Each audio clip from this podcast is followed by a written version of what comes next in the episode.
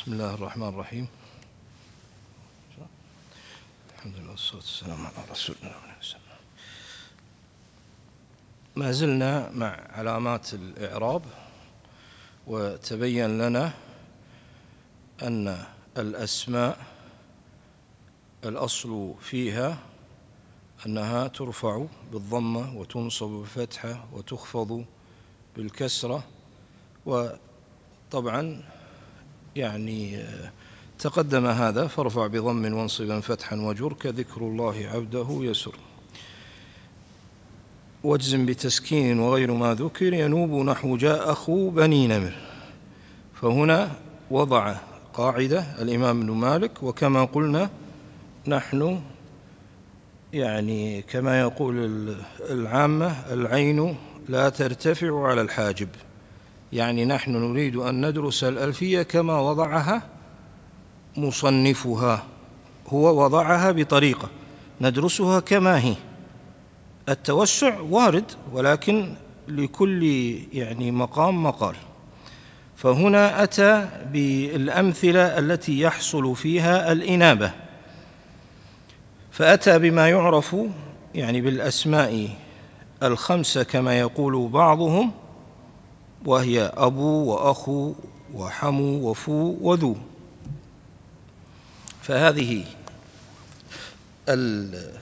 الأسماء خصت بأن آخرها حرف علة وهذا الحرف جعل فيها كمالا أو جعل فيها صفة وهي أنك إذا نقلتها في مواضعها من الجملة فإن المتغير من أحوالها آخرها فتتغير. إذا وضعتها في موضع الرفع رفعتها بالواو. جاء أبوك جاء أخوك إلى آخره. إذا وضعتها في موضع النصب نصبتها بالألف. رأيت أباك أخاك إلى آخره. إذا وضعتها في موضع الخفض أو الجر جررتها بالياء. مررت بأبيك بأخيك إلى آخره. إذن فهذه الأسماء هذا حكمها. هي يتنوب فيها الواو والألف والياء عن علامات الإعراب. ولا تدخل في شيء زائد زائد لأن هذا الذي ذكره المصنف. فإذا قرأت في الشروح لا تشغل بالك بشيء زائد عما ذكره المصنف لأن هذا ما راح تستطيع أنك تأخذ الأمور جملة واحدة. يعني هذه مختصرة خلاصة. خذ الأمر الذي أعطيته الآن. فقال رحمه الله تعالى وارفع بواو وانصبن بالألف واجرر بياء ما من الأسمى أصف. قف عند أصف هذه. يقول رحمه الله تعالى هنا سأصف لك أوصافا. إذا سيعطيني قواعد هذه الأسماء الخمسة إما بالتصريح وإما بما يذكره من أمثلة وصفا. سيعطيني أحكام هذه الأسماء الخمسة. كيف سيعطيني إياها؟ الإمام ابن مالك رحمه الله راح يعطيني إياها بالشرح بما يبينه ويعطيك إياها بالوصف بمعنى أنه يذكر لك مثالا. فهذا المثال يكون هو أصل القاعدة فتقيس على هذا الذي أعطيته. يقول من ذاك هنا ابتدأ بنوعين من هذين الأسماء اختص بحكم. يعني لم يأتي بالمشترك من الأحكام فيها إنما أتى بما خص بشيء معين وقدمه حتى يستطيع ذهنك أن أن يحصره أكثر لأنك إذا أتيت بالشيء الخاص ثم أتيت بالعام كان العام كأنما يحوط يحوطه ويرعاه ويحكمه لك. فهذا من حسن تصنيفه رحمه الله تعالى. فقال لك من ذاك ذو ما شرطها؟ إن صحبة أبانا. إذن فذو تعرب هذا الإعراب ترفع بالواو وتنصب بالألف وتخفض بالياء وتجر بالياء إذا أفادت معنى صاحب. وإفادتها معنى صاحب وإفادتها معنى صاحب هنا طبعا يتضمن كلامه الإشارة إلى أنها قد تأتي بغير هذا هذا الوصف. ولكن هذا نادر لكن موجود في لغة طيء. فيقال لها ذو الطائية. هذا نادر لكن أشار إليه ضمنا أنها إذا جاءت كاسم موصول ما ما ما تخضع لهذا الحكم تكون مبنية. بئري ذو طويت وذو حفرت. طيب. أيضا هنا نبه على معنى دقيق.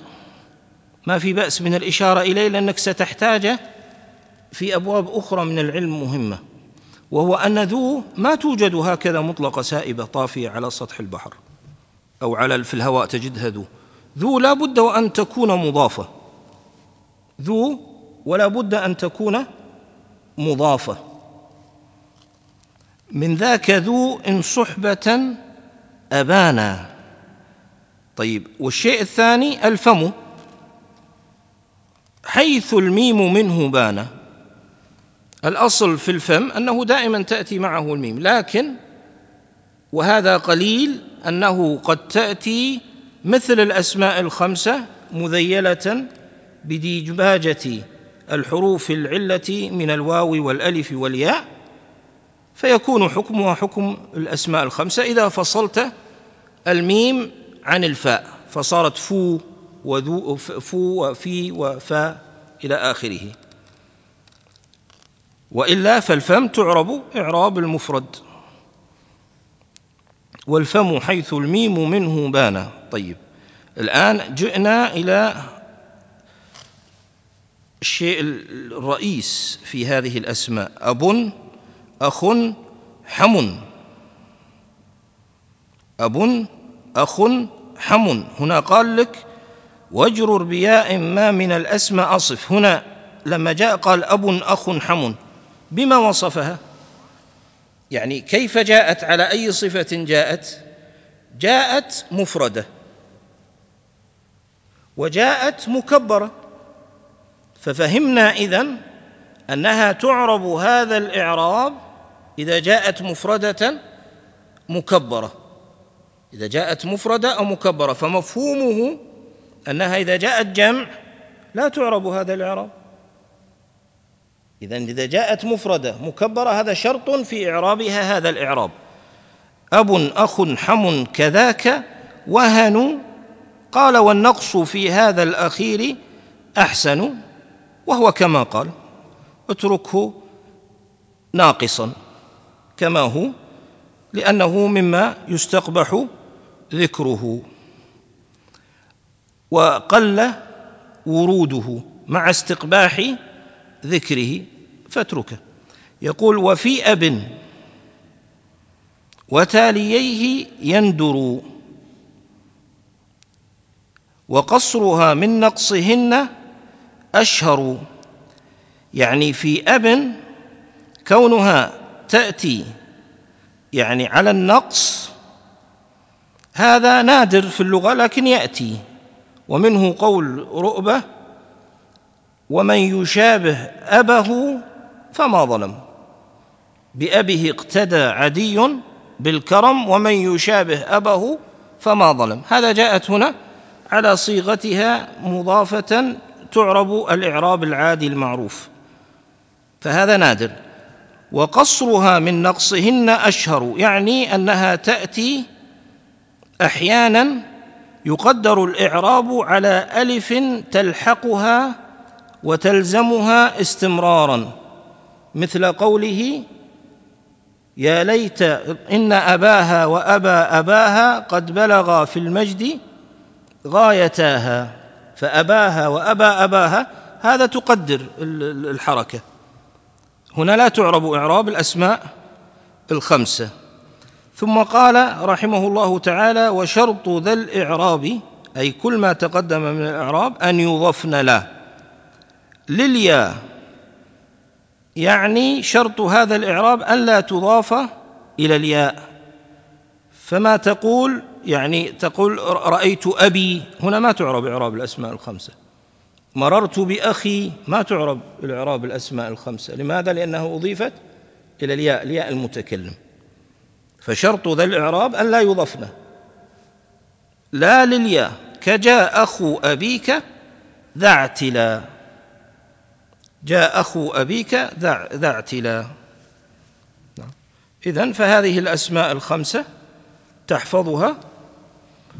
أه، حسب همتك يعني أنت انظر ما الذي تستفيده. لا تنظر ما الذي تستطيع عليه في الوقت الذي تدرس لا. إن استطعت على القدر الموجود حسن إن وجدت عسر نقص الأشياء النادرة هذه وخرها خل الأصل بس معك. وأسأل الله تبارك وتعالى أن يمنحنا وإياكم العلم النافع والقلب الخاشع والعمل الصالح. ونأخذ كلتا ويعني أخوة ولعل بيتين في الأسبوع القادم إن شاء الله أو ثلاثة حسب الموضوع إن شاء الله. سبحانك اللهم جزاكم الله خير